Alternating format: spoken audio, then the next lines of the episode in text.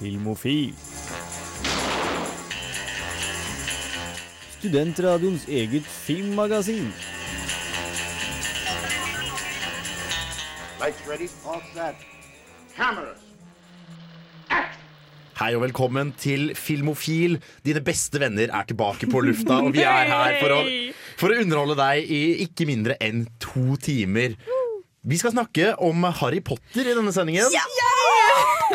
Noe folk er ekstremt entusiastiske for. Vi skal også da tematisk nok få høre Trines anmeldelse av fabeldyr og hvor de er å finne. Fantastic Beasts and Where to Find Them. Nei, nei, Har jeg kalt det. Vi er i Norge nå, tror jeg. Ja, men det driter jeg i. Jeg tror bare vi lager den regelen veldig veldig tidlig, sånn dere ikke bare hører oss krangle om hva heter det på engelsk hva heter det på norsk. Man får bruke det man føler for. Ja, Så Trine skal anmelde 'Hjelp, vi er magiske'.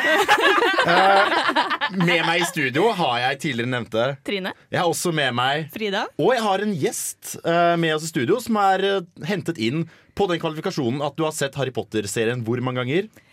Så mange ganger at den har blitt bannlyst i heimen til meg. Ja, Du kan få introdusere deg selv. Du er Kristina! som vanligvis skriver for Under dusken, stemmer ikke det? Det stemmer.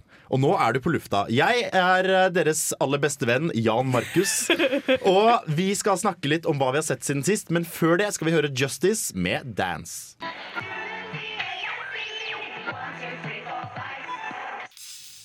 Her i Filmofil så liker vi å prate om ting, serier, filmer og annen hva skal vi si, mediekultur vi har opplevd siden sist.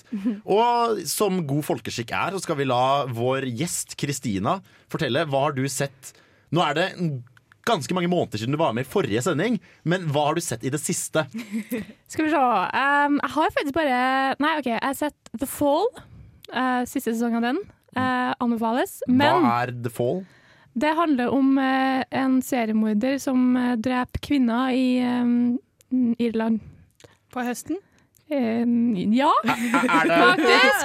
Men det er vel egentlig mer sånn The Fall of Men. Ma, ma, Ok, eh, ja. noe sånt der. patriarkiets fall? Ja, noe Ja. sånt. Men eh, det som jeg faktisk har sett mest på, og som jeg er skikkelig investert i Og nå føler jeg som jeg har på meg tidenes tinfoil-hat når jeg snakker om det her, men det er jo selvfølgelig Westworld. Ah. Fader, det var det jeg også skulle si, for jeg har også sett Westworld i det siste. Så ja, kan ikke du eh, Hva er din oppfattelse av Westworld så langt? Eh, som sagt, tinfoil hat everywhere. Eh, etter hver eneste episode så um, bare Jeg vet ikke. eh, jeg føler meg som Altså, jeg er usikker på om jeg eksisterer. Er virkeligheten min sann? Er jeg egentlig en host? Eh, er jeg meg? Altså, ja. Men Det føles veldig likt som å se Truman Show, hvor du bare er sånn Oh my god! Det er sikkert sånn jeg lever et reality show, som da handler om en mann som lever i et eh, reality show. nettopp. Og altså, Westworld, for dere som ikke har sett det, og ikke hørt oss snakke om det de fem gangene vi snakket om det før, handler jo om Det er jo mye sånn kloneaktige, Ja. eller skapte mennesker, da, som er lagd for å være attraksjoner i en park. En fornøyelsespark med eh, hva skal vi si, eh, biologiske roboter som ikke vet at de er roboter. Ja. Oh. Og du, du syns det er bra? Uh, ja, altså, jeg var veldig solgt etter første episode, og så begynte jeg å dreie litt. Uh, men nå er jeg helt on board igjen. Ja, for jeg syns kanskje at jeg liker veldig godt at det er litt treigt. At det ikke er sånn her er historien, og så følger vi den. Og det handler veldig mye om på en måte, menneskene som står i det, og ikke-menneskene som prøver å leve med at ting i verden deres ikke gir helt mening. De, gir på en måte, de bruker veldig mye tid på verdenen sin i stedet for en historie, syns jeg i hvert fall. Men det jeg er litt redd for, da, at det her skal bli en True Detective point two, hvor de bygger opp til en insane avslutning, eller avsløring, da. Og så bare flater det totalt ut. At ikke avsløringen eh, fungerer så godt, liksom. Spesielt nå siden at de har annonsert sesong to. Hei, du! Ja. Hysj, da! Mulig at de har annonsert sesong to. Hvem Mulig. vet? Vi kommer tilbake. Det. Trine, hva har du sett siden sist? Jeg har sett ganske mye. Jeg var så gjennom liksom Netflix-historien min, så jeg tydeligvis sett sånn sju filmer i løpet av en natt. Og det er Ja. rart at jeg ikke sov den natta. Men det er liksom, jeg satt, uh, jeg satt og så på Shrek-trilogien, fordi vi snakker ikke om den fjerde. Mm. Er det ikke fem Shrek-filmer? Nei, det er fire. Det kommer en femmer. Men den, den filmen som jeg vil trekke frem, som jeg var så på nytt igjen, er Good Will Hunting. Ja! Med Robin Williams og Matt Damon og Den er jo frykt, fryktelig søt. Jeg Jeg tror hver gang jeg har sagt at jeg ser filmer som får meg til å begynne å grine. det gjør den nå, for den er så koselig. Men hva er det som egentlig altså, Har du noen gang sett en film uten noe mye grin? Ja. Jeg føler du griner av alle filmer du ser. Jeg griner av alt, jeg. Ja, men Vi det er jo en fin egenskap. Vi har jo vært på kino sammen, og jeg tror jeg har sett deg ikke gråte av en reklame for Tine. Eh, Det er vel omtrent det Det, det er vel omtrent der det slutter. Hei, jeg grein ikke av Hell or High Water. Det var ikke langt unna. Hei, nei! Hysj, da. Så det er, det er det du har sett siden sist? Og uh, Guardians of the Galaxy. Og Grease. Grease! La meg si noe om Grease, siden du nevnte den nå helt på tampen her. Bedre enn sitt rykte. For jeg husket den som sånn Den har jo en litt underlig moral, da. For det slutter jo med at hun er sånn Å ja, alle syns jeg er teit. Jeg får bare bli kul, da. Og så begynner hun å røyke. Ja. Det var sånn den hadde festet seg i mitt hode. Men når man ser den igjen, så ser man jo på en måte at Danny Zuko, som er den kule gutten som Svandred er forelsket i, prøver jo hele filmen å forandre seg for å passe til henne, og det har vi syntes er helt greit. Han bare er ikke så god på å ikke være kul. Han prøver liksom å bli sportsfrik og sånn, sånn at hun skal begynne å like han, og de har en veldig åpenbar, ordentlig kjemi. Og så på slutten så blir vi sånn Bare fordi hun tar på seg en stram bukse, så er det liksom feil. Når han har gjort det samme hele filmen. Vet du hva? Bedre film enn man husket. Og fantastisk musikk. Ja, for jeg husker Jeg så jo, jeg så jo den eh, da jeg var liten kid på barneskolen. Og jeg var, tro det eller ei, ganske nerd. Eh, ble aldri, aldri, aldri, sendt, på gang, aldri sendt på gangen og sånn. Um, så jeg liksom, husker jeg så den her på TV2 Filmkanalen eller noe sånt nå, og sa til mamma Men mamma, oppfordrer ikke den filmen her til en ganske sånn uvettig moral? Omtrent ordrett. Og hun, bare, hun trakk på skuldrene og var sånn Jo da, for så vidt, liksom, men fuckings skjerp deg. så Grease ble på en måte ødelagt for meg etter at jeg fant ut at alle dem som spiller i Grease, er 30-40 år gammel. Altså, hallo, hun Rizzo hun var jo 38 år når jeg spilte den rollen her. Ja, det var litt sant. Hun ser ut som hun er 40 også, men hei. Jeg er enig. Catchy musikk og alt det der. Ja, men det må de ja få lov til. Vi skal snakke mer om hva vi har sett siden sist, men først skal vi høre Modern Times med Keyholes and Birds. Vi skal snakke mer om hva vi har sett siden sist. Og Frida, nå stjal jo gjesten vår uh, din ting. Ja, jeg har sett Westworld. Ja. Har du sett noe mer siden sist også? Ja, altså, uh, jeg, Det jeg nevner hver gang Uh, Jeg har jo selvfølgelig fulgt med på Skam. Ja! Nei, har du fulgt med på Skam, Frida? Jeg følger jo veldig med på Skam. Jeg leser, eh, jeg leser til og med kommentarfeltet på Skam. Jeg trodde jeg var den eneste som gjorde det, som Åh. var over 20, altså. Nei, alle jeg studerer med, gjør det også. Så vi sitter og vinker til hverandre på lesesalen sånn Hallo, da kom det et klipp. Du bare ser én hånd som går opp og vinker, så er det sånn OK, nå vet alle. Det er tegnet. bare kutta ut alle SMS-er kutta ut all Facebook-chat. Nå fungerer all kommunikasjon gjennom kommentarfeltet på Skam.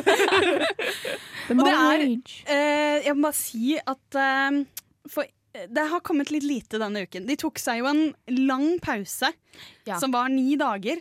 Da vi ikke fikk noen ting. Og det sluttet på en liten sånn Det gikk ikke så bra da for hovedkarakteren. Han hadde det litt tungt og slo litt i en busk og var generelt eh, litt stressa, da.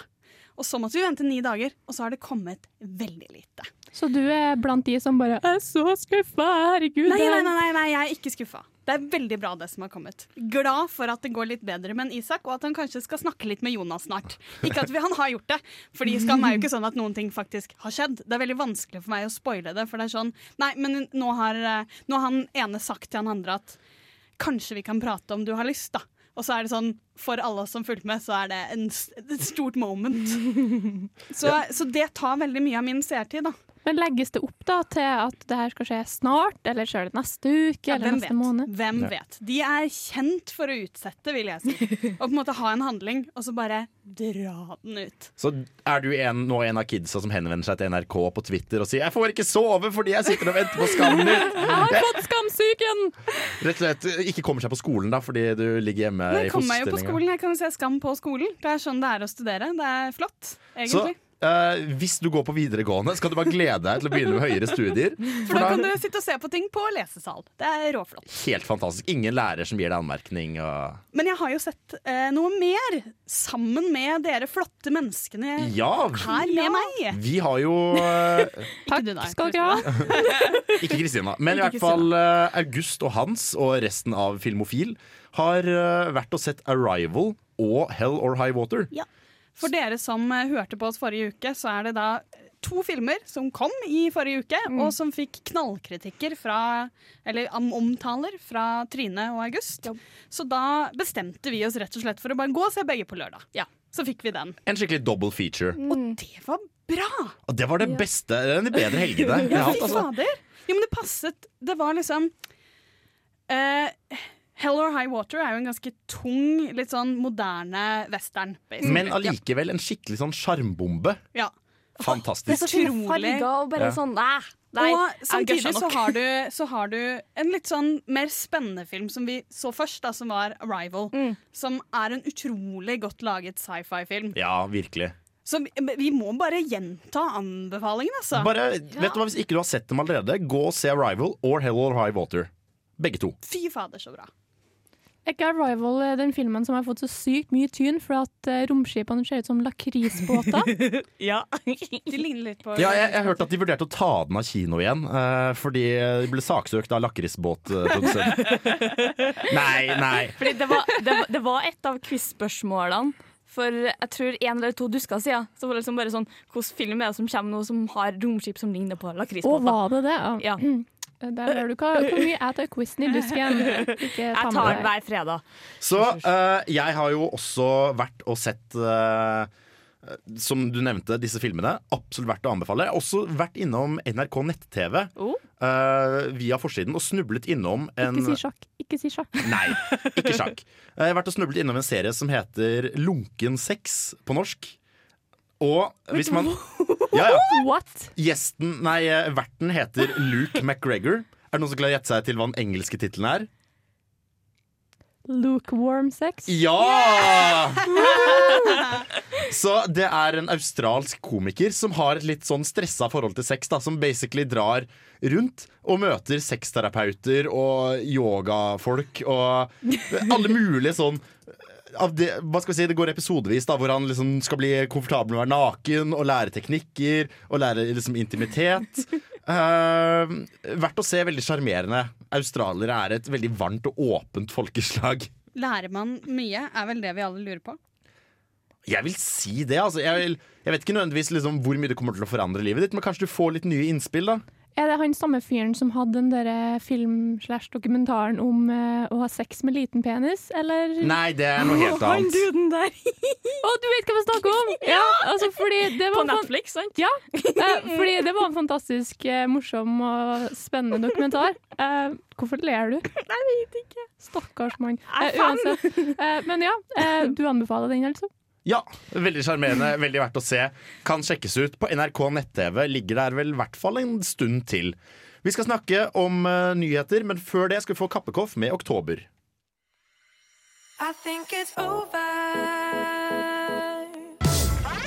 Filmofil gir deg nyhender fra filmen og fjernsynets i spanende verden.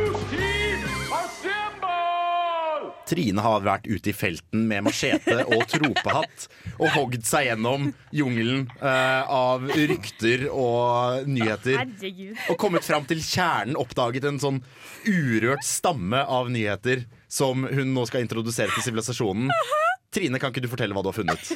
Jo, eh, vi, tar, vi starter med den som jeg egentlig tenkte å spare til slutt. Som Unnskyld. Kristine har klart å, klart å avsløre. Eh, Westworld får en sesong to. Ja! I, enten i 2017 eller 2018. 2018? Det er jo litt skummelt. Det kan jo bli litt sånn lost-følelse. For du, du føler veldig at de er på vei et sted, og hvis de bare er sånn Vent, da, ta litt til, så kan det bli veldig sånn Ja, vi vet ikke helt hvor vi skal lenger, da. Ja, for det var det jeg tenkte å kommentere på i stad, men som jeg da har spart til nå. Eh, fordi jeg er så redd for at de skal bygge opp det her nå, og så bare ja, wait, lol, snakkes 2018, da får dere vite svaret, liksom. Ja, for det slår meg litt som at dette her er en uh, veldig storsatsing. HBO har jo hatt litt sånn hit and miss uh, utenom Game of Thrones i det siste. Så de har på en måte lagt uh, mange egg i én kurv her og kjørt på med Westworld. Og ettersom dette også nå virker som det går ganske bra, så risikerer du at det er sånn Å, faen, dette her slo jo an så det synger. Da må vi bare pumpe ut sesonger. Og så får du da en litt sånn Ja, hvor, dette har vi ikke tenkt igjennom. Men du kan jo si kanskje at de har lært fra Game of Thrones. At siden de har hatt den som sin store, geniale forhest Jeg vet ikke hva som er uttrykket her. At, at det er det som er deres sto, største suksess, så vet de så kan vi jo håpe at de har lært seg at det at historien er bra hele veien, er veldig viktig. Men det er én vesentlig forskjell på Game of Thrones og Westworld. Uh, Game of Thrones er basert Ja. på bøkene til George R.R. Martin, Ja. som har, er ekstremt godt skrevet og har veldig mye sånn små intrikate vendinger og eh, vinninger som du kan skrive inn i en serie. Men eh, nå skal det jo sies da at eh, Game of Thrones-serien har jo tatt en helt annen vending enn bøkene. Så jeg vet ikke, jeg. øh, det Så kanskje de har noen som skriver bra Ja, videre. det vet vi ikke da. Nå har de på en måte forlatt bøkene helt. Vi får se hvordan de klarer å fly på egen hånd. Hey, og mens vi snakker om oppfølgere og liksom sånn, sånne ting eh, Don't Breathe kom jo Ja, i år. Og var en skrekkfilm som gjorde det relativt bra. Den hadde et, den hadde et budsjett på 10 millioner dollar. Og liksom tjente inn 150 millioner dollar. ja litt sånn typisk skrekkfilmsuksess. Ja, Den skal få en oppfølger. Okay. Som liksom don't, don't breathe yet. Fordi eh, Fede Alvarez, som har regien på det, som hadde regien på førsten, sa det liksom Vi er ikke ferdig med Don't Breathe. Det kommer mer. Å ja, du, altså Don't breathe, men fortsett å puste. Uh, hæ? Jeg vet ikke. Don't Breathe er liksom navnet på filmen. Den kommer, kommer en oppfølger. Jeg vet ikke hvorfor. Ja, men vi får håpe at de det er for, vet, Ja, Er det viktig Nei, er det han eh, samme regissøren som tar det med videre? For da kan det jo være at han har sånn 'Dette er mitt hjertebarn, og jeg har så mye mer å si'. Jeg tror, jeg tror det, men han er jo også sett men liksom, Folk ser jo til han for å regissere oppfølgeren til liksom uh, Gud uh, Oppfølgeren til 'Girl with a Dragon Tattoo'. OK. ja. Så vi får håpe at det fortsetter. Ja. Men har ikke det blitt bestemt en regissør der nå? Jeg vet ikke. Fordi sist jeg hørte, så var det bestemt at det var en uh, latino-dude som skulle ta over. Da kan det jo være Fede, da. Så da har han tid til Don't Breathe. Nei! Så vi får håpe at det fortsetter å være et friskt pust i sjangeren. Så seriøst. Um, Den var fin. jeg har med nyheter om The Last of Us-filmen. Ja. En Fordi film? I 2014 så ble det annonsert at det kommer en film av The Last of Us, som er et spill. Og de sa på Comic-Con at liksom bare Ja, det skjer ting! Det skjer ting! Yay! Eh, nå to år senere så bare eh, Det skjer ingenting. Det er Har de skrinlagt det? Neida, det er creative differences med Sony. ja. Å nei! Det er enda en creative differences. Så hva er det egentlig de gjør i Sony? Jeg føler de bare spyr ut creative differences hele tida. Nei, det De er, er fryktelig uenige, da. ja, det er Why are you punishing me? veldig mye kreative forskjeller der. Som bare ikke går noen vei. Ja. Ja, så eh, kommer det film? Kanskje. Kanskje. Kanskje. Vet ikke. Her en siste. Ja, kjør på. Eh, det, skal jo, eh, det skal jo komme Full Metal Alchemist live action-film, Ja. som jeg er veldig veldig pumped for. Men er det whitewashing, eller er det ikke det? Det kom nettopp en liten teaser, og det ser ut som at det ikke er whitewashing. Yes! For en Ja. gangs skyld. Yay! Da vil jeg faktisk få det. Så den, den kommer i 2017. Jeg vet bare ikke når. Men den ser så Jeg trenger den. I need it in Ja, altså, hvis, hvis du i likhet med Trine trenger litt eh, anime i livet ditt, litt live anime, så uh, kan du få det i 2017 med spillefilmen av Full Metal Outlist. Nå skal du få Michael Paskelev med 'Witness'.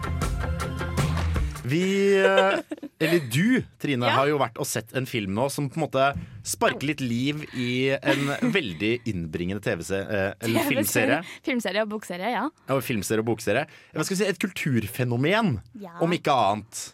Ja. Så du har vært og sett. Fantastic Beasts and Where to Find Them. Eller fabeldyr og hvor de er å finne. Ja, og det er jo Hva skal vi si?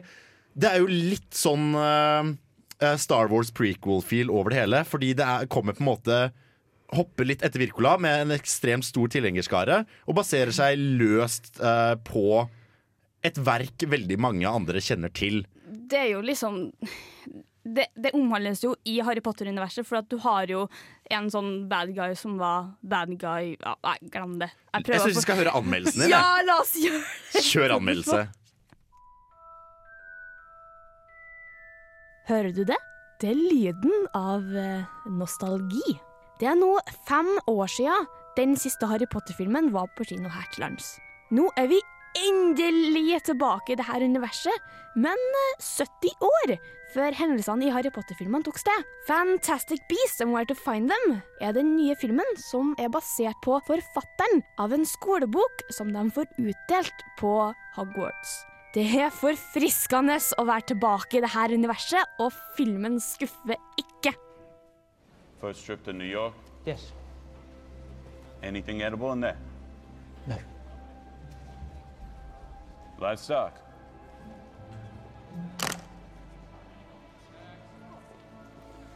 Must get that fixed.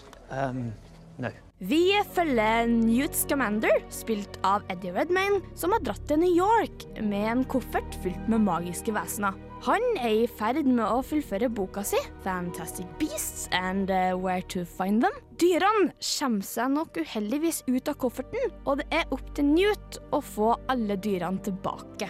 Samtidig som det her finner sted, foregår det mørke hendelser i den amerikanske magiverdenen som Newt og hans nye amerikanske venner blir dratt inn i. It was open? Just a smidge. J.K. Rowling debuterer som manusforfatter her, og gjør magiske ting med manus som lager en interessant historie og skaper interesse for de neste filmene i serien. David Yates er tilbake i regissørstolen, og det virker som om han har storkost seg med denne filmen. Han har skapt en film som virkelig får oss til å trekke på smilebåndet, samtidig som han eh, får deg til å føle. Det er kanskje litt dårlig bruk av CG på enkelte plasser, men de vesenene han har i kofferten, er så nydelig å se på. Noen av høydepunktene kommer når han er i kofferten med vesenene sine. Right, on your hop. Oh. Here's some attachment issues. Now come on, pick it. No, they're not going to bully you. Now come on. Pick it. All right. That is exactly why they accuse me of favoritism. Karakterene er en god blanding av karaktertyper. Vi møter nomaden, som er uttrykket for et menneske uten magi, eller gomp på norsk. Jacob, som blir den personen som grunner dem til den menneskelige verden. Og søstrene Propertina og Quinnie, som knytter det opp mot den magiske verden. De her skaper en god gruppe med Newt, og det er en fryd å se på dem sammen. Is there a school? A wizardry school here in uh, America? Of course. Ilvermorny. It's only the best wizard school in the whole world. I think you'll find that the best wizarding school in the world is Hogwarts. Hogwash. Eddie Redmayne som Newt Scamander er fortryllende å se på. Han gir mye liv til karakteren, sjøl om han kanskje spiller en rolle som han har spilt mye før. Men det går såpass bra at du ikke tenker over det i det hele tatt. Resten av skuespillerne gjør en god jobb, men det er nok Eddie som stjeler filmen. Eller de magiske vesenene som han har med seg i kofferten sin. Colin Farrell er også med i filmen og gjør en relativt god jobb. Monsters, huh? Så om du har lengta tilbake til Harry Potter-universet, du har lest bøkene om igjen og om igjen, og sett filmene om igjen og om igjen, og vil tilbake, er den filmen her en ypperlig måte å komme seg tilbake. Du kommer mest sannsynligvis til å storkose deg i din amerikanske magiverden, og eh, muligens er du klar for de neste fire filmene i serien. Fire, film Fire filmer? Help! Ja, fire filmer. Det skal, det skal komme fem filmer i Fantastic Beasts and Where to Find Them. Og etter jeg så filmen, så kan jeg skjønne hvordan de kan få det til å funke. Ja, det, første, det første jeg tenker her, er jo uh, at dette er jo litt sånn cash grab. At du, du, du flytter deg over på amerikanske beitemarker for å gjøre det enda mer liksom, tiltrekkende for amerikanere. Og så bare kjører du til en filmserie med fi fem filmer til sammen. Da lurer jo jeg selvfølgelig på hvordan kan de få det her til å funke. Jeg bare tenker på The Hobbit, eh, The Hobbit og får litt sånn frysninger, fordi jeg elsker Harry Potter, og hvis at de ødelegger det her for meg fordi det, som er, det som er veldig smart, er at boka er jo liksom bare Det står jo bare hva de, hva de dyrene der er for noe. Og så står det litt bak om forfatteren Newt Scamander. Ja, for boka den er basert på, er en fiktiv bok i Harry Potter-universet som er, på, er skrevet eh, på virkelig senere, og er på en 20 sider, som basically er en fagbok om fabeldyr. Som liksom karakteren Newt Scamander skrev, da. Så det er litt som basere en fem, fi en fem filmer i en filmserie på liksom boller og burritos fra, Nei, fra barneskolen. Fordi, fordi de har en uh, De har for eksempel Grindelwald, som er en uh, skurk i Harry Potter-universet som de ikke har gått noe ordentlig inn i. Som de kan gå veldig dypt inn i i filmene. Det er det mest sannsynlig de skal gjøre i neste film, for de skal caste Albus Dumbledore. Ja, for Grindelwald er vel erkerivalen til også ryktes å være loverboyen til Dumbledore. Ryktes ikke, unnskyld meg! Og jeg har jeg bare bryte inn.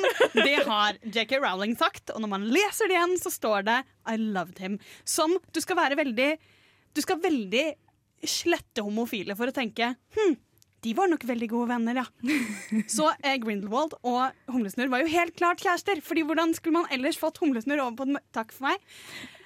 Jeg bare Ja. trekker Ok. meg eh, Vi, dette, dette kommer vi mer tilbake Ja. til. Uh, og du nevner at Eddie Redmayne spiller en rolle han spilte litt før. Så liksom adorkable Ja, og litt quirky og litt sånn fryktelig søt. Ja. Jeg må bare, altså, jeg må bare få det her ut av systemet mitt.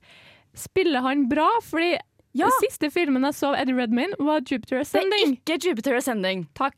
Jeg har ikke sett, jeg, jeg, jeg nekter å se den filmen, da. men han hvisker fordi han snakker som en vanlig Ok, person. ja, men da- Alt da- går fint, han spiller kjempebra. Da, da er jeg on board. Da har du solgt meg allerede. Så det er en uh, film vi sannsynligvis bør sjekke ut. Og kommer til å høre mer om de neste årene fremover. Og det er jo som du nevnte Så er det jo sikkert en fordel at uh, J.K. Rowling er faktisk manusforfatter. Mm. I motsetning til Hobbiten, hvor uh, godeste Hva heter han? uh, nå sto det helt stille. Forfatteren. J.R. Tolkien. Ja, Tolkien. eh, Er død. var jo ekstremt død Ja. da Hobbiten-filmen kom ut. Så du kan jo liksom ikke spørre han Ok, hvordan skal vi utvide dette. Her kan du faktisk spørre originalforfatteren. Uh, litt sånn som du gjør i Game of Thrones. Ok, hva, hva er det som er law her? Hva er bra historiefortelling? Du kan ikke sette så mye opp mot Hobbiten, for Hobbiten var en bok der det faktisk sto en historie. Det gjør ikke det i Fantastic Beasts and Where to Find Them, så de har litt mer eh, liksom, Frihet. De, ja, de kan gjøre Kreativ mye mer. frihet. Men det er jo veldig eh, spennende fordi de nettopp har kommet ut med et teaterstykke. Der hvor JK Rowling står som medforfatter, som er kjent for å være litt dårlig. Ja. Fordi hun ikke deltok. Og da er det jo veldig fint at de fikk med seg Uh, At de Ja, at fikk, fikk- med seg det, og lot henne faktisk få lov til å få fullt spillerom. Bare uh, J.K. Rowling bare laga et outline av det manuset. Det man bare får si. Hun laga et outline, og så tok hun det og ødela det. Ja, de gjorde det. Mm. Men ikke denne gangen. Ikke Vi denne skal gangen. snakke mer om Harry Potter, men før det skal vi få Otis, Akanya West og JC. Og etter det Håkon med OK Kaya.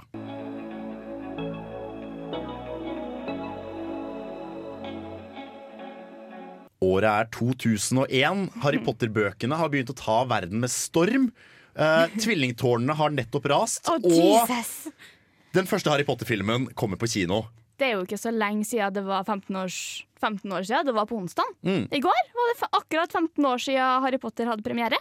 Gud, vi er uh, Gamle. on, altså, On, on spot Ja. på tema! Fy fader. Innertier. Wow. Hvem skulle trodd? Rett og slett. Og den aller første filmen er da Harry Potter eh, and The Philosopher's Stone, som heter Eller- på engelsk. Og De vises sten. Og De vises vise heter. sten. Eh, som vi allerede har sagt, disclaimer, vi kommer til å blande norske og engelske titler. Det får dere bare tåle. Ja. Skal ikke vi ta med den amerikanske tittelen også? Nei. Nei. Uh. Den Eh, eksisterer ikke. så altså, den her er regissert av Chris Columbus, og satte en del first, eller satte en del presedens, vil jeg si, for Harry Potter-filmene. Jeg har en liten fun fact om den første Harry Potter-filmen. Ja. Den hadde større budsjett enn 'Ringenes herre', som også kom ut i 2001. Oi! Hvilken Ringenes herre? Den første. Wow! Den Oi. hadde større budsjett. Vi fant ut, jeg, jeg satt med en gjeng filmvitere på i går og bare sånn Hvordan en hadde egentlig størst budsjett? Og det var Harry Potter, med sånn 10 000 eller noe sånt. Og det er veldig spennende egentlig hvordan den første Harry Potter-filmen kom. Fordi eh, bøkene var, som du sa, begynt å bli kjente, men de hadde absolutt ikke den statusen de har i dag. Nei. Eh, og det hadde heller ikke familiefilmer.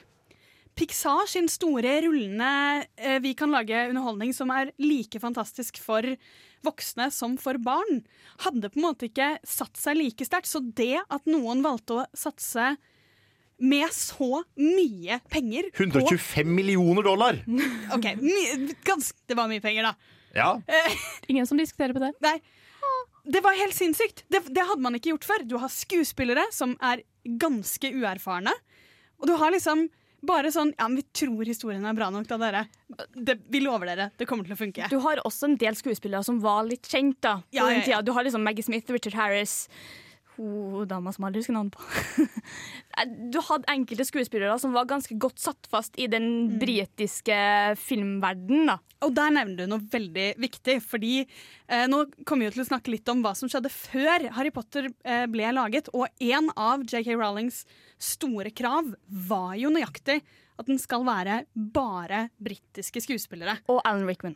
Og, Som eh, Ja, det er greit. Men også, Men eh, de ville jo egentlig eh, De snakket jo om at Spielberg skulle ta den, og han ville lage en animasjon, og han ville lage, sette den over til Amerika, og da sa hun vel Hun sa at de, Fuck no. Nei, hun sa ikke nei til han. Men hun sa at den skulle være britisk. At det er en såpass viktig del av filmene at hun nektet å gi fra seg det. Og det har jo Vi kan jo alle være enige om at det var fint. Det var veldig fint. Fryktelig fint, for det er jo en det er jo en, hva skal vi si Det er kjøpt av Warner Brothers. De kjøpte filmrettighetene for 1 million dollar. Som kanskje er en av de beste investeringene noensinne gjort, med tanke på at filmserien til nå har spilt inn 7,7 milliarder dollar. Den første filmen, som du nevnte, 125 millioner dollar, eh, tjente inn over 800 millioner. Ja, ikke så rart, da. Så når du sier at det kommer fem filmer, så er jeg på en måte overrasket, men allikevel ikke i det hele Av tatt. fordi- Fantastic Beasts. Ja, av Fantastic Beasts. Eh, og den her gikk jo da til eh, Chris uh, Columbus. Chris Columbus. Chris Holdt jeg på, Columbus. nå holdt jeg på å blande liksom oppdagelsesreise og Ja, regissøren. Når jeg skulle søke opp, så var det sånn Christopher Columbus. Og bare, Vent litt, det her er feil. sant? Det er Chris. Uh, som også er kanskje best kjent fra før av for å lage Hjemme alene-filmene. Han har også lagd Mrs. Doubtfire. Det visste jeg ikke Ja. noe! Så en, hva skal vi si, kanskje ikke en regissør som vi hadde tenkt oss veldig atypisk, eller veldig typisk Harry Potter i dag. Men de mente veldig sikkert eh, Eller de mente at han var et av de sikreste kortene de klarte å spille på. Fordi så skal komme til senere, så var de sånn Dette går bra, nå prøver vi noe større og villere. Så Chris Columbus var helt klart den mest konservative, som også lagde de mest familievennlige filmene. Helt Ja. klart. Mm. Og jeg tror også at det der eh, de vant, da. Eh, hadde jeg skulle ha sett den filmen her i voksen alder, så hadde jeg jo ledd av det. Men han har en egen måte å appellere til barn på. Eh, og jeg tror nok at den filmen, altså den første filmen spesielt, da, ikke hadde vært den samme hvis at den ikke hadde den der lekne snerten Nei, som uh, Chris Columbus tilfører filmen. Og det er jo, hva skal vi si, det er kanskje noe han også har med seg fra Hjemme alene-filmene. Du har en barneskuespiller, og du har et veldig sånn for hele familien tematisert eh, Hva skal vi si stemningsbilde. veldig mye varme farger. Ja. Slå deg når, du ser den igjen sånn I toeren så begynner det å gå denne edderkoppscenen og sånn. Å, Man begynner å gå litt over til Mm. eh, litt skumlere greier, men allikevel så er det så mye rødt og gull og vakkert og liksom flotte trapper som beveger seg, mens senere har du mye mer den sånn Nei, ikke mer farger. Dere fortjener ikke mer farger. Dette er ekte, og det er mørkt. Vi skal selvfølgelig jobbe oss gjennom hele filmografien av eh, Harry Potter. Og vi skal også snakke litt om filmmusikken i Harry Potter, for den er absolutt verdt å nevne. Men før det skal du få annen musikk. Du skal få Moby and the Void med Are You Lost in This World Like Me.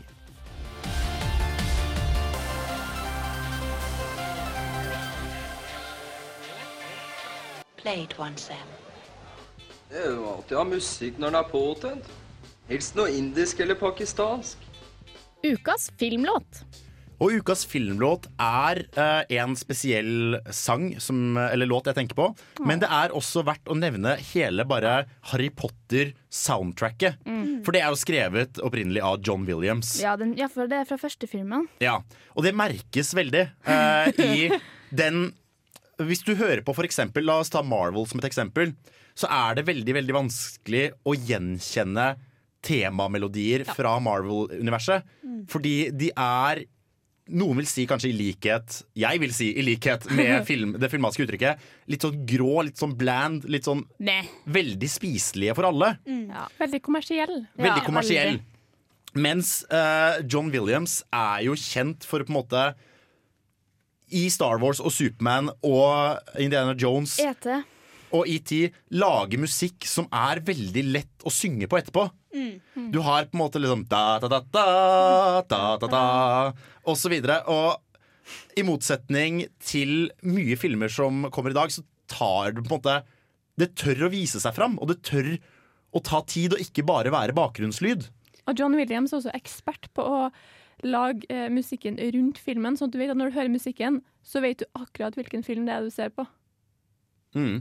Og du har jo, eh, Det må jo sies at han faktisk lagde de tre første filmene. Er det han som har hovedansvaret for? Ja, og så trakk han seg ut, og så har de gjort noe veldig For han bruker veldig denne eh, OK, jeg kan ikke nok musikkteori til å egentlig si dette her, men han bruker mye sånn ledemotiver, eller life-motivs, eller hva det nå heter. Ja. Denne hvor du har en bit, et fragment av musikk skal representere noe i filmen. Og denne sangen vi kommer til å spille, heter jo noe Den har jo et navn som du forbinder med noe i filmen. Og det de har gjort når han går ut, er å fortsette den trenden, men fortsatt bruke litt av hans snutter. Som de spiller inn i nyere filmer, og så legger de til for disse nye tingene som dukker opp i historien. Så de har ikke på en måte laget et fullt nytt score for hver nye film. De beholder litt, og så fortsetter de å utvikle etter hvordan historien utvikler seg. Det samme gjør de i Fantastic Beasts som Where to Find Them. Også. De har liksom sampla litt av Harry Potter-musikken, og så spleiser de litt med litt nytt. For å ta noen andre helt klare eksempler på lydmotiv som mange kanskje kjenner seg inn i, så har du jo Star Wars, hvor du har på en måte du har denne da, da, da, da, da, da, og da vet du at imperiet kommer. Og du kan gjøre så mye med det stykket, hvor du kan både senke det ned, og så plutselig så begynner den jedi-delen å spille over det. Som på en måte da symboliserer overgangen fra mørkt til lyst. Eller du har Ringenes herre, hvor alt er bare sorgen, og de ligger der på en vulkan og tror de skal dø. Og så begynner de å mimre hjem, og så hører du på en måte den eh, Den eh, du, du, du, du, du, du, du, Og alle begynner å grine, fordi du har Med en gang så er du tilbake i Hobbitene, og du kjenner så godt igjen den musikken og forbinder det med noe helt spesielt. Mm. Og det gjør du også da i Harry Potter. Mm. Så det vi skal høre nå, er kanskje det aller mest kjente motivet. Som hvis noen sier 'syng Harry Potter'-sangen, så er det den de nynner på. Det er temaet til Hedvig.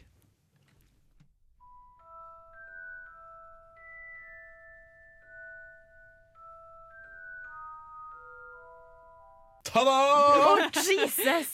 Og det er uh, Bare for å avslutte det fullstendig, så er det bare du hører de første notene Bam. i den låta. Så er du tilbake i Harry Potter-universet, og du liksom mimrer og vil ha filmmaraton med en gang. Så der har de gjort en kjempejobb Uh, med å bare lage en kjenningsmelodi for Harry Potter. Jeg felte en tåre. Ja. Så musikk, fantastisk viktig.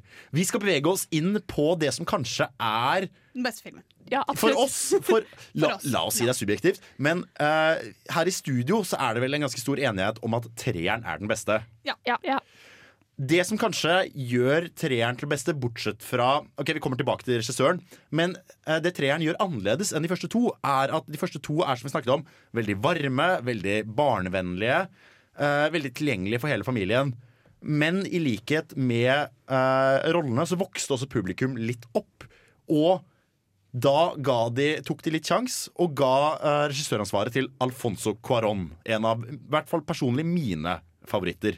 Og han er, eh, som jeg sa tidligere, nei, jeg mener produsentene har sagt at Chris Columbus var et veldig sånn trygt valg for å se Klarer vi dette her? Klarer vi å få det i gang? Og så ga de den til da Cuarón, som, eh, som var sånn OK, hvis jeg gjør dette så skal jeg gjøre det riktig. Så han satte i gang, eh, har de fortalt om, at han på en måte kjørte i gang masse sånne greier for å få filmen opp på et litt høyere nivå. Blant annet så ba han eh, alle de tre hovedkarakterene om å skrive et lite essay om rollen sin. Og der, der leverer da Daniel Radcliffe, som spiller Harry Potter, leverer en side. Eh, og Emma Watson, som spiller Hermine, leverer 20. Og Rupert Grint, som spiller Ron, leverte ikke noe. For han klarte ikke å få skrevet det. Og Er ikke det bare helt Det er jo fantastisk? Det er, det er jo, det er jo method acting. Det er så on point at det er nesten skummelt. Det er så vakkert! Og han var bare sånn Ja, OK, vi har dette her. De, dere har det inne. Veldig flott. Jeg tror Noe av det som gjør eh, denne filmen til min personlige favoritt i Harry Potter-universet, er som sagt, som du sa, at den vokser litt med det. Altså De to første filmene var sånn OK, da var jeg åtte-ni år, eh, og så Eller og, ja. Eh, og når den tredje kom, så begynte du liksom å modne, og du følte liksom at du virkelig på en måte kjente på de samme følelsene da, som de karakterene i filmen eh, møter. Så det er så rart å se på nå i voksen alder, fordi ja, det er ungdomsskolen for min del. Og de gjorde så rett med å få Gary Oldman inn som Sirius Black. ja. Og å, Buckbeak. For det har Kvaron sagt i senere tid. Sånn, jeg tror ingen andre skjønte hvor interessert jeg var i spesialeffektene i denne filmen. Han gira seg så opp på sånn Ja, jeg fikk filmen der vi har en hippogriff, der vi har eh, disse dementorene. Ja. Og på en måte syns det var så spennende å få lov til å spinne en film rundt sånn faktiske fantasikarakterer, som er så viktig for filmen. Og jeg vil jo si at den her går Den føles jo magisk. På, ikke på den På en veldig ny måte. De andre filmene er sånn, se her, så fantastisk. Mens denne her går så utrolig inn i noe litt sånn mørkt. Ja, for det var vel også veldig viktig for Afonso sjøl at han kunne sette sitt merke på filmen. Fordi han er veldig opptatt av det tekniske, og at ting skal se veldig pent og ryddig ut. Uh, og for min del så er det denne, denne filmen som virkelig gjorde at jeg fikk den Harry Potter-følelsen. Fordi det er her du virkelig kjenner på at shit, det her er magi. Det her er et magisk univers. Og så er det jo som du nevner, uh, spesialeffektene tok seg også veldig opp i løpet av disse filmene. Uh, 'Fangen fra Askeban' og 'The ildbegeret', eller 'The Goblet of Fire'. Og der, Hvis du ser på de første to, så er det en helt annen uttrykksstil med magien og formelen og sånne ting. Det er, det er dataanimasjon, men det er ikke i nærheten på samme nivå. Kanskje delvis fordi de ikke hadde teknologien til det, men også fordi her har de bare valgt å gå en litt annen vei. Det jeg tenker automatisk, er at eh, magien vokser med skuespillerne. Altså, de er helt nye til magi i første og andre filmen, men i tredje filmen så begynner de liksom å få litt grepet på det, og derfor så får du også mer synlige CGI, mer synlige effekter. Altså, det vises mer for oss òg, fordi de skjønner det, og da skjønner vi det litt Mm. bedre. Og så er det jo neste film, vi må jo få med den også, som er eh, regissert av Mike Newell. Og det som er litt morsomt med den, er at han er første britiske regissøren. Faktisk. Og han har produsentene sagt var mye mer opptatt, eller kjente kostskoler. Det gjorde ingen andre. Mm. Så han har fokusert så utrolig mye på på en måte kostskoledynamikken. Hvordan de på en måte snakker sammen, hvordan det føles å bo der. Og når jeg tenker tilbake på den filmen, den handler jo mye om liksom veldig tenåringsproblemer. Hvem får, Puberteten. ja, ikke sant? Ja. Hvem får be med hvem på ball? Og, liksom. Ja. og han klarte, som du sier, å la filmen vokse med karakterene. Og nå tar vi oss litt pause til at vi skal ha litt pubertet. OK. Men den filmen har vel også fått litt kritikk også, fordi at eh, han var veldig på sånn kjønnssegregering på de utenlandske kostskolene, for det var vel aldri helt etablert eh, i universet at det var kun jenter som gikk på den ene skolen, og kun menn som gikk på den andre skolen. Og det har han fått litt kritikk for i ettertid, har jeg lest i hvert fall. Ja, Det er helt sant, fordi det er, i bøkene så er det jo faktisk eh, noen sånn utrolig vakre mannlige franske som en eller annen går ut med. Det er helt korrekt.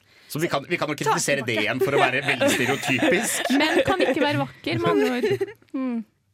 Vi skal bevege oss videre inn i Harry Potter-filmografien. Og vi skal også snakke litt om bøkene og deres rolle i forhold til hvordan bokserien utviklet seg. Du skal høre nå Temples med Certainty.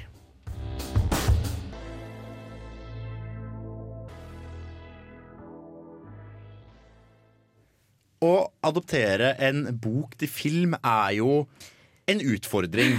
Og når du har en bokserie som basically lærte hele verden å lese på nytt for andre gang, Mm. eh, og som en hel millennial-generasjon har vokst opp med, og, ver og verner Litt deg også, da. Eh, Nei, og, og verner uh, med liksom nebb og klør, så er det litt farlig å uh, lage film av det, fordi du har den Nei, nei, men boka var bedre.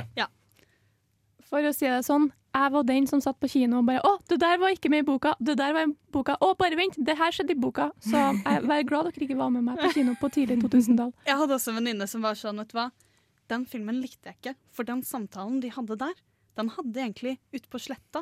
Og her var vi inne i skogen. Oi! Jeg var ikke så ille. Jeg var ikke der. Det, det går gå litt langt. Og det, er det, og det er det jeg tenker. Vi tar oss jo ofte litt tid til å snakke om adopsjoner. Og hvordan skal man forholde seg til det uten å bli revet opp innvendig? Er det mulig? Ja, er det mulig? For det, jeg vil jo si at det egentlig er en veldig sånn interessant dynamikk mellom bøkene og filmene, fordi de på en måte gir, de gir hverandre så mye. Jeg føler på en måte sånn Man må bare legge de litt til side. sånn Du har bøkene og du har filmene, og de kommer ikke til å være det samme, men du får så mye fra denne utvekslingen mellom de to. da For eksempel så er det jo Jeg er jo ekstremt dårlig på navn og ansikter. Og det å kunne se filmene gir meg et ansikt jeg kan legge til bøkene. Fordi det var jo ikke sånn at bokserien var ferdig før filmene kom. Det gikk, dette her gikk jo fortløpende. Så det å liksom kunne ha sett film 1, 2 og 3, og så lese bok 4, så kan du på en måte se for deg hvordan denne hvordan Galtvort ser ut, eh, hvordan, hvordan eh, karakterene ser ut, og liksom sette et indre bilde på det hele som kanskje ikke ditt indre øye hadde klart helt alene. Det skal også sies at Harry Potter som en bok til filmadopsjon er vel en av de bedre adopsjonene som i hvert fall jeg personlig har sett, og det sier jeg som en kjempestor fan av boka. Eh, mest fordi at de har på en måte fått med alt det viktigste, uten å fucke opp med de viktigste plotpointene, som f.eks. Game of Thrones har gjort. Eh, og det var på en måte jeg vet ikke. Det var bare noe magisk ved å se eh, det, de, de bøkene jeg tjuvleste under dyna med lommelykta når jeg var liten, være på det store lerretet og være akkurat sånn som jeg hadde sett for meg. Ja, for jeg vil jo si at du merker at dette er bøker som er laget av folk som digger bøkene. Noe som er ganske spesielt, fordi flere av regissørene, Chris Columbus eksempel, leste jo ikke boka Eller han leste boka for å på en måte, Da han fikk tilbud om den. Så det er mange som på en måte har lest den og vært sånn hm, dette var ganske bra, og så gått og tenkt på det og vært sånn vet du hva, det er ikke bare bra, det er faktisk dritbra.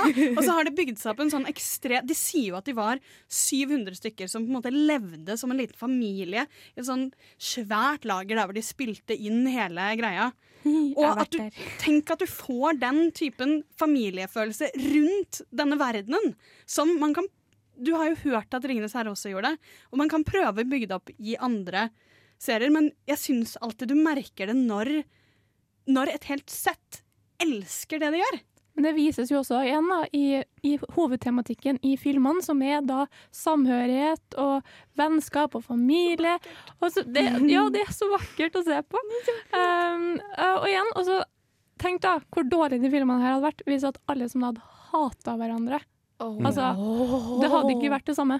Og du merker jo litt dette her, for eksempel så har du på en måte Du har Twilight-serien hvor Robert Pattinson etterpå har sagt ut liksom, Nei, det var, det var, faen, jeg liker jo egentlig ikke den serien her. uh, og så har du Hobbiten, hvor regissøren selv uh, har gått og sagt Nei, det var en jævla clusterfuck. Ja. Uh, og så har du Harry Potter-serien, hvor liksom Rupert Grint på en måte Og alle, alle barnestjernene er sånn Ja, det var kjempekos! Kosa oss så mye. Ja, jeg er så, så glad for at jeg liksom fikk den muligheten. Det, er, det er ingen som klarer å hate Harry Potter. Og det, eh, Vi snakket litt om det i stad, med forholdet mellom regissørene. At vi har hørt veldig mye om sånn på en måte indre konflikter, og at eh, eh, Alfonso ville på en måte gjøre med alt og sånn, men sånn var det faktisk ikke. Hver, hver regissør sluttet offisielt sagt fordi han ble så dritsliten. Og så jobbet de sammen med å sånn overføre videre. Hva skal du ta med deg videre, og hva skal du sette ditt eget preg på? Så det var en litt, litt bedre versjon av Boyhood, da. Ja. Du fikk se rollene vokse opp in real life. Nå skal du få Francine and the Lights med See Her Out her på Filmofil.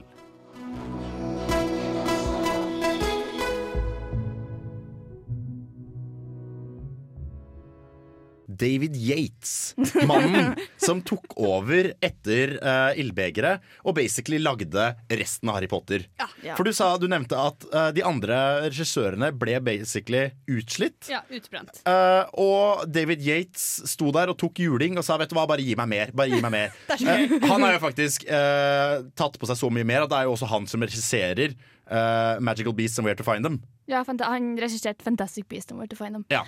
Så han har tydeligvis bare ikke fått nok Harry Potter. Andre blir utbrent. David Yates bare fortsetter å rulle. Men eh, hva skal vi si? For min del så føler jeg at filmene til David Yates ble litt mer mainstream. Litt mindre særegne, kanskje. Litt mindre Mm. magiske og litt mer action. Mer action, ja. Det vil jeg, jeg, vil, jeg vil si meg egentlig veldig enig i, men han har jo også Hvis vi husker Se for dere nå Harry Potter-bøkene. Ja. Hvis man tenker hva er trenden, så er det jo mye at de vokser i lengden. De blir lengre og lengre og lengre. og hvem da karakterene? Eller det også? Bøkene Ja. blir så store, så han har så mye mer historie å komprimere. Og jeg syns vi skal starte med å avkrefte en myte. Og det er at det var Warner Brothers som ba om at siste boken skulle bli splitta i to. Det var det ikke. Det var manusforfatteren som satte seg ned og var sånn eh, Jobbet med den i to uker. Kommer tilbake og er OK. Dere kan få en film. Den blir fem timer lang. Dere kan kanskje Dere kan få tre filmer hvis dere vil. Jeg tror Warner Brothers blir veldig glad. Og så ble de enige om sånn Kanskje vi bare tar to, og så bruker vi tid på å avslutte, sånn at det ikke blir sånn Og så må de dø, og så må Videre! Videre! videre, videre, videre. Og det her var jo også de originale part 1, part 2 eh, Altså de som på en måte hadde forgjengeren til alle de der andre filmene som kom etterpå. Eh, som Twilight og Hunger Games. Hunger Games blant annet. Eh, men her ga det jo mening, Fordi her var det så mye stoff å ta av. Mens resten ja, kanskje jeg kunne spart dere for det. Ja, For å ta det tilbake på det økonomiske igjen, så er det jo eh, De filmene i snitt tjente jo én milliard dollar hver. Eh, Altså del én og del to. Cash money. Eh, så det Da innser man jo for så vidt at det gir uh, At andre studier ble helt misunnelige og sa liksom OK, kan de lage del 1 og 2, så kan vi lage del 1 og 2. uh, dette her er jo Det som også er så gøy, er jo at uh, Som vi har nevnt, vi vokste med disse karakterene. Og nå som etter hvert som vi liksom begynte å havne godt ute i puberteten, uh, og begynte å bli litt kyniske og kjipe, så blir filmene og karakterene i dem også voksne og litt kyniske og kjipe. Harry Potter begynner liksom å få litt sånn reell dødsangst istedenfor en eh, åtteåring som løper rundt og sier «Ah, Voldemort må ta meg og elsker mamma og sånn, da. Jo, men, men eh, jeg vil bare si sånn, vi har jo, Nå har vi sagt mye sånn treerne der det blir mørkt. Det er ikke egentlig det. Det er her. På slutten Mm. her så blir det jo sånn Det starter med fireren, da. Ja, etter Når- noen muligens kanskje ikke lever lenger. Eh, så se, Smooth, ikke spoiling. Så Hvis ikke du det jo har bare sett Harry Potter-filmene. Fem år siden siste filmen kom. Ok. Ja, det er fem Eh, år. liten pause. Hvis ikke du har sett alle Harry Potter-filmene, sett på av. pause nå. Se alle Harry Potter-filmene, og fortsett. Vær så god. Men jeg vil bare si at jeg syns det er så utrolig sjarmerende hvordan castet snakker om hverandre. Helt på slutten her. I disse sånn, Nå er det ti år siden. Eh, alle disse jubileene så pleier de å gi ut eh, som bøker hvor de omtaler hverandre. Og jeg syns det er så utrolig hyggelig å Mm. høre dem beskrive hverandre. Jeg, jeg leste en utrolig fin beskrivelse fra Alan Rickman om Daniel Radcliffe, og hvor fan han var. Hvor fantastisk han syns at Daniel Radcliffe spilte sånn. Jeg har sett på han fra han var så liten, og han bare er fantastisk. Og samtidig så er det Matthew Lewis som har samme forholdet til Alan Rickman og er sånn Jeg brukte åtte år på å kunne si liksom Hallo, Alan, på morgenen. Og til slutt så turte jeg det, og han sa hei tilbake. It was magical. Jeg skulle ønske puberteten var like snill mot meg som den var mot uh, Michael Nei, hva er Michael Lewis? han? Matthew Lewis. Matthew Lewis. Ja. For herregud. Er det Nilos langballe? Ja. Oh yeah. Ja. Jeg, har, jeg tror jeg hadde min sexual awakening med Matthew Lewis. Sorry, mamma. For dere som da ikke har sett eh, Harry Potter, så er jo han den store nerden som ble så pen, så de måtte bare begynne å lappe på han med sånn litt sånn falsk hake, falske tenner, sånn at han skulle fortsatt, ja, så han skulle fortsatt se sånn litt sånn geeky og nerdy ut. Men uh, kan vi snakke om epilogen? Ja, for all del. Vi kan snakke om hva vi vil. Det er radio. Forferdelig epilog som måtte reshootes. De så jo 70 år gamle ut. Ja, sant det. For de hadde jo på seg gammel, gammel, gammel eh, Masse, masse gammel smitt. Ja, tydeligvis så ser Harry Potter søtt ut når han er 35. Hvor of tank. Ja, men hva skal vi si, det gikk bra til slutt, omtrent. Du skal få Happy Doghouse med Don't Give Me Grapes.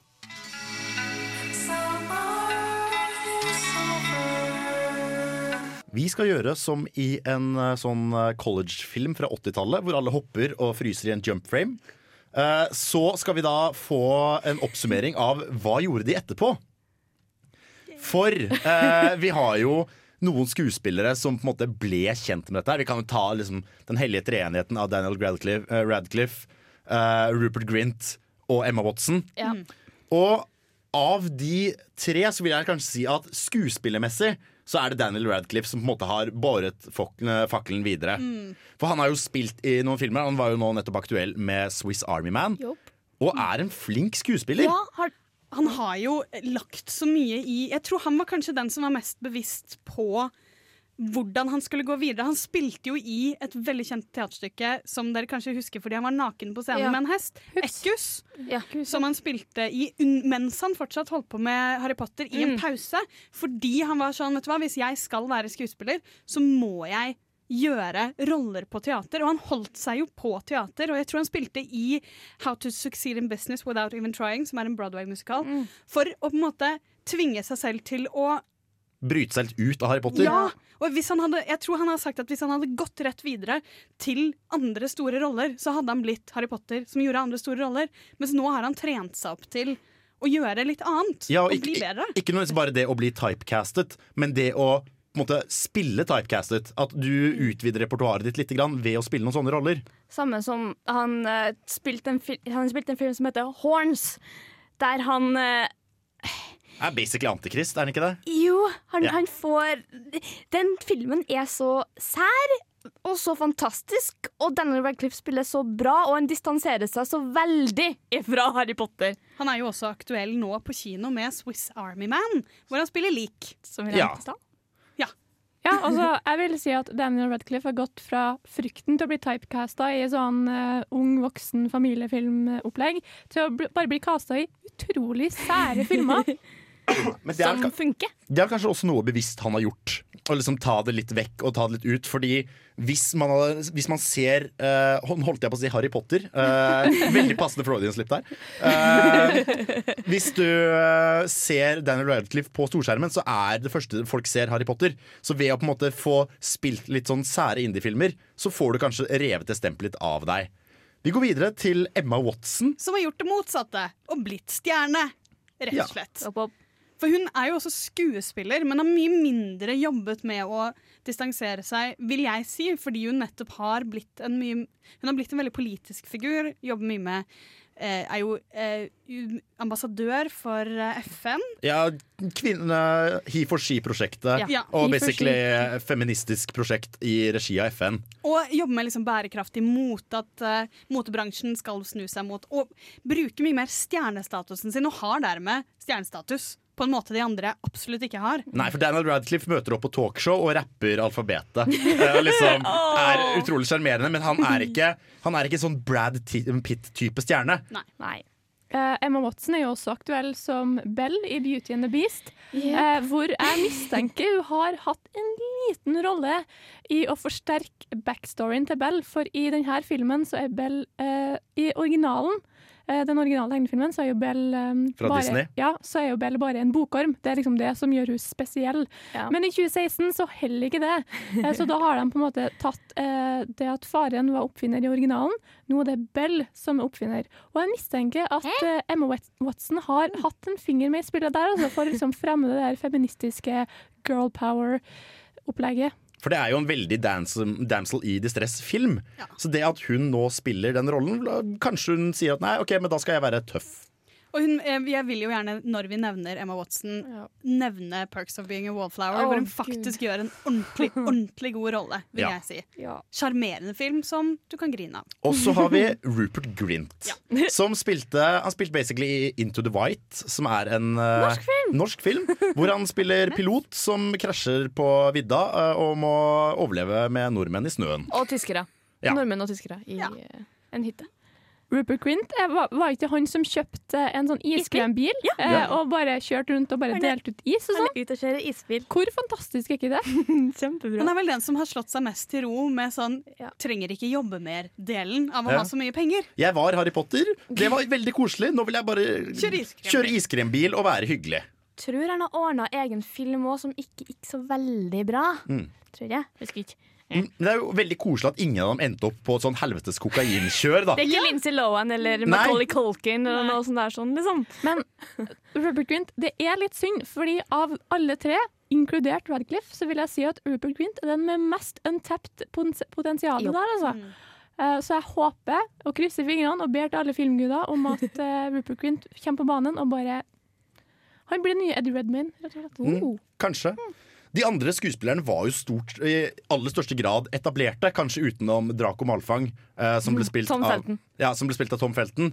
Men alle de andre var jo f.eks. Alan Rickman, eh, Michael Gambon eh, disse, og Gary Oldman var jo alle etablerte skuespillere som på en måte hadde noe å gå tilbake til. Hadde eh, Harry Potter-serien floppa fullstendig, så hadde de fortsatt hatt en skuespillerkarriere. Det hadde ikke disse barnestjernene. Jeg vil også påpeke at David Tennant, kjent fra Doctor Who, Ja. var jo med i Harry Potter-filmene i ja, Jeg husker ikke helt hvilken film det var. Fireren. Fireren. Eh, og det var jo det som kickstarta hans Doctor Who-rolle. Det var jo det som på en måte gjorde at han fikk den rollen. Han og tunga hans. Han og den. Vi kan avslutte med en bitte liten fun fact om disse barnestjernene. Folk var, det er jo mange, inkludert meg selv, som har crushet på eh, Emma Watson. Uh, fordi hun ble voksen, vi ble voksne, og det var mye nye følelser. Og hun var fryktelig pen og søt. Uh, og Rupert Grint er jo en av de som har kysset henne på film. Og en reporter spurte ja, hvordan var dette her. Nei, det var ekkelt! Og sikkert som å kysse søstera. Ja, si. men hun har jo liksom hun- vokst opp med Ja. Var ikke hun enig i det? Sa ikke hun at Jo, det her var de var, de var helt enige om at det var rart. Og han jeg tror vel også han lo så mye i den scenen der hvor Harry og Hermine kysser, at de måtte bare sende han av sett. Ja. Fordi han bare sto og fniste og fikk alle andre til å le. Det er jo kanskje ikke så rart når du føler deg Altså, som Emma. Watson hadde jo sagt at det var helt OK å kysse Harry, men ikke Ikke Rupert. Rupert. Ja. Oi! Er, er det rart han kjøpte en iskrembil og bare slutta med det livet? Vi skal høre Breakbot med Baby I'm Yours, og deretter skal vi snakke om vår favorittfilm og litt sånn Harry Potter-fandom.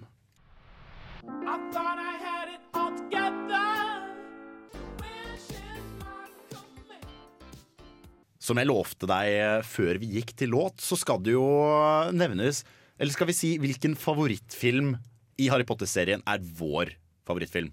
Så er det, er det noen som egentlig vil krangle om dette her? Ja, men jeg kan si nummer to. Ja. Jeg tror vi er ganske enige sånn egentlig. Ja, Treeren Sånn er flott og Jeg hatet den det var da jeg var liten, så var det den jeg likte dårligst. Vet du hva, Det er jeg helt enig i. Akkurat Ja. samme reaksjon. Vokst så på meg. Men det er jo sikkert det for at den var litt sånn småskummel. Så var det litt sånn Nei, jeg er ikke sikker på det her. Mer diffust plott, tror jeg kanskje var liksom For et barn så er det veldig greit med sånn Det er en dings der inne. Der inne vil de gå til. Så går de dit, da. Mens her er det mye mer sånn der også tiden tilbake. Og så kikker de gjennom et hull i veggen, og så overser de noen, så hører de halvparten, og så hopper de litt i tid. Ja. eh, som egentlig aldri ble brukt igjen i plottet. Det blir ødelagt i femmeren. De lukket det plotthullet, og så bare godtar vi det. Og så ødelegger t- den timeturneren hele Cursed Child. Ja, Men vi snakker ikke om Cursed Child. Det finnes ikke. Finnes ikke jeg er fortsatt Og vi irritert. er på? Filmofil, og Cursed Child er et skuespill, så fuck det. Men jeg syns faktisk film nummer fire har alltid truffet noe i meg. Er det, er det Koser sånn. pubertet-usikkerheten? Nei, jeg tror det er jeg Er det Emma Watson i ballkjole? Nei, ikke det Oh. heller. Men jeg tror virkelig disse andre skolene syns jeg var så magisk. Ah. Når de kommer jeg, De er veldig spilt opp på en måte eh, som jeg ikke syns var der i bøkene. De har liksom tatt den ett skritt opp til. Eh, og enig med deg, då, teit med kjønnssegregering, men den har fortsatt bare vært sånn For det var noe som de så på som magisk. Fortsatt. Der hvor man var litt ferdig med det. Jeg får litt sånn Mean Girls-følelse av film nummer fire. Er det lov å si? Altså Hele det er liksom ball, og så har de et band som Du, du, har ikke, spiller, du har ikke sett den Det er en trailer liksom, Folk har klippa liksom Harry Potter i en Mean Girls-trailer. Nei, men jeg skjønner ikke hvorfor de har gjort det. Hallo! Og så er det jo også Det her ble jo en Hva skal vi si Et kulturfenomen, et kultfenomen. Og det er så mye fandom rundt Harry Potter. Folk som tar på en måte stolthet i det. Jeg kan alle husene i Amerika og USA, og jeg kan historien og jeg kan liksom fakta, og jeg vet hva det dyret gjorde der da. Det er det vi har Pottermore til. Ja, og det har jeg lyst til å slenge inn litt på slutten, fordi vi snak har jo snakket om vår personlige favoritt i Harry Potter-universet.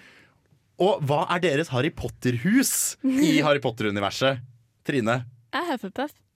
Og det Fordi er morsomt. Så klart jeg er Håsblås. Hallo! I dag kom det jo ut en video med Eddie Redmayne som er en sånn der public service announcement. Det er sånn, sånn sånn Hufflepuff Pride, folkens. Vi trenger det. Jeg er håsblås, og jeg er stolt av det. Jeg er ikke Ja. håsblås, jeg var veldig redd for å bli det. Jeg er Ravnklo. Det er jeg også. Yay! Og jeg, jeg er også håsblås. Sammen med Eddie Redmayne og Dwayne The Jock, Rock Johnson. For begge de er oh, håsblås. Så nå skal vi få eh, Tom Savoy med 'Morning' før dette egentlig begynner å nærme seg slutten. Toy. Toy Savoy. Toy Savoy. Eh, før vi begynner å nærme oss slutten av denne sendingen, men ikke gå helt enda, for vi har noen ord. For eksempel, hva skal vi se neste uke?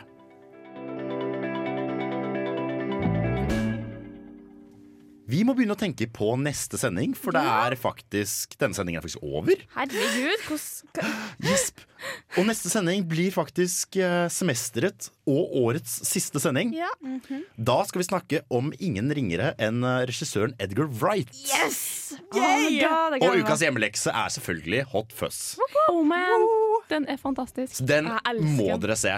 Helt på slutten skal dere få en uh, låt som er hentet fra filmen Warrior. Veldig veldig fin film som jeg vil uh, plugge på slutten. Vi har vært Trine. Frida. Kristina. Og jeg heter Jan Markus. Tusen takk for at du satte deg torsdagen og hørte på Filmofil. Today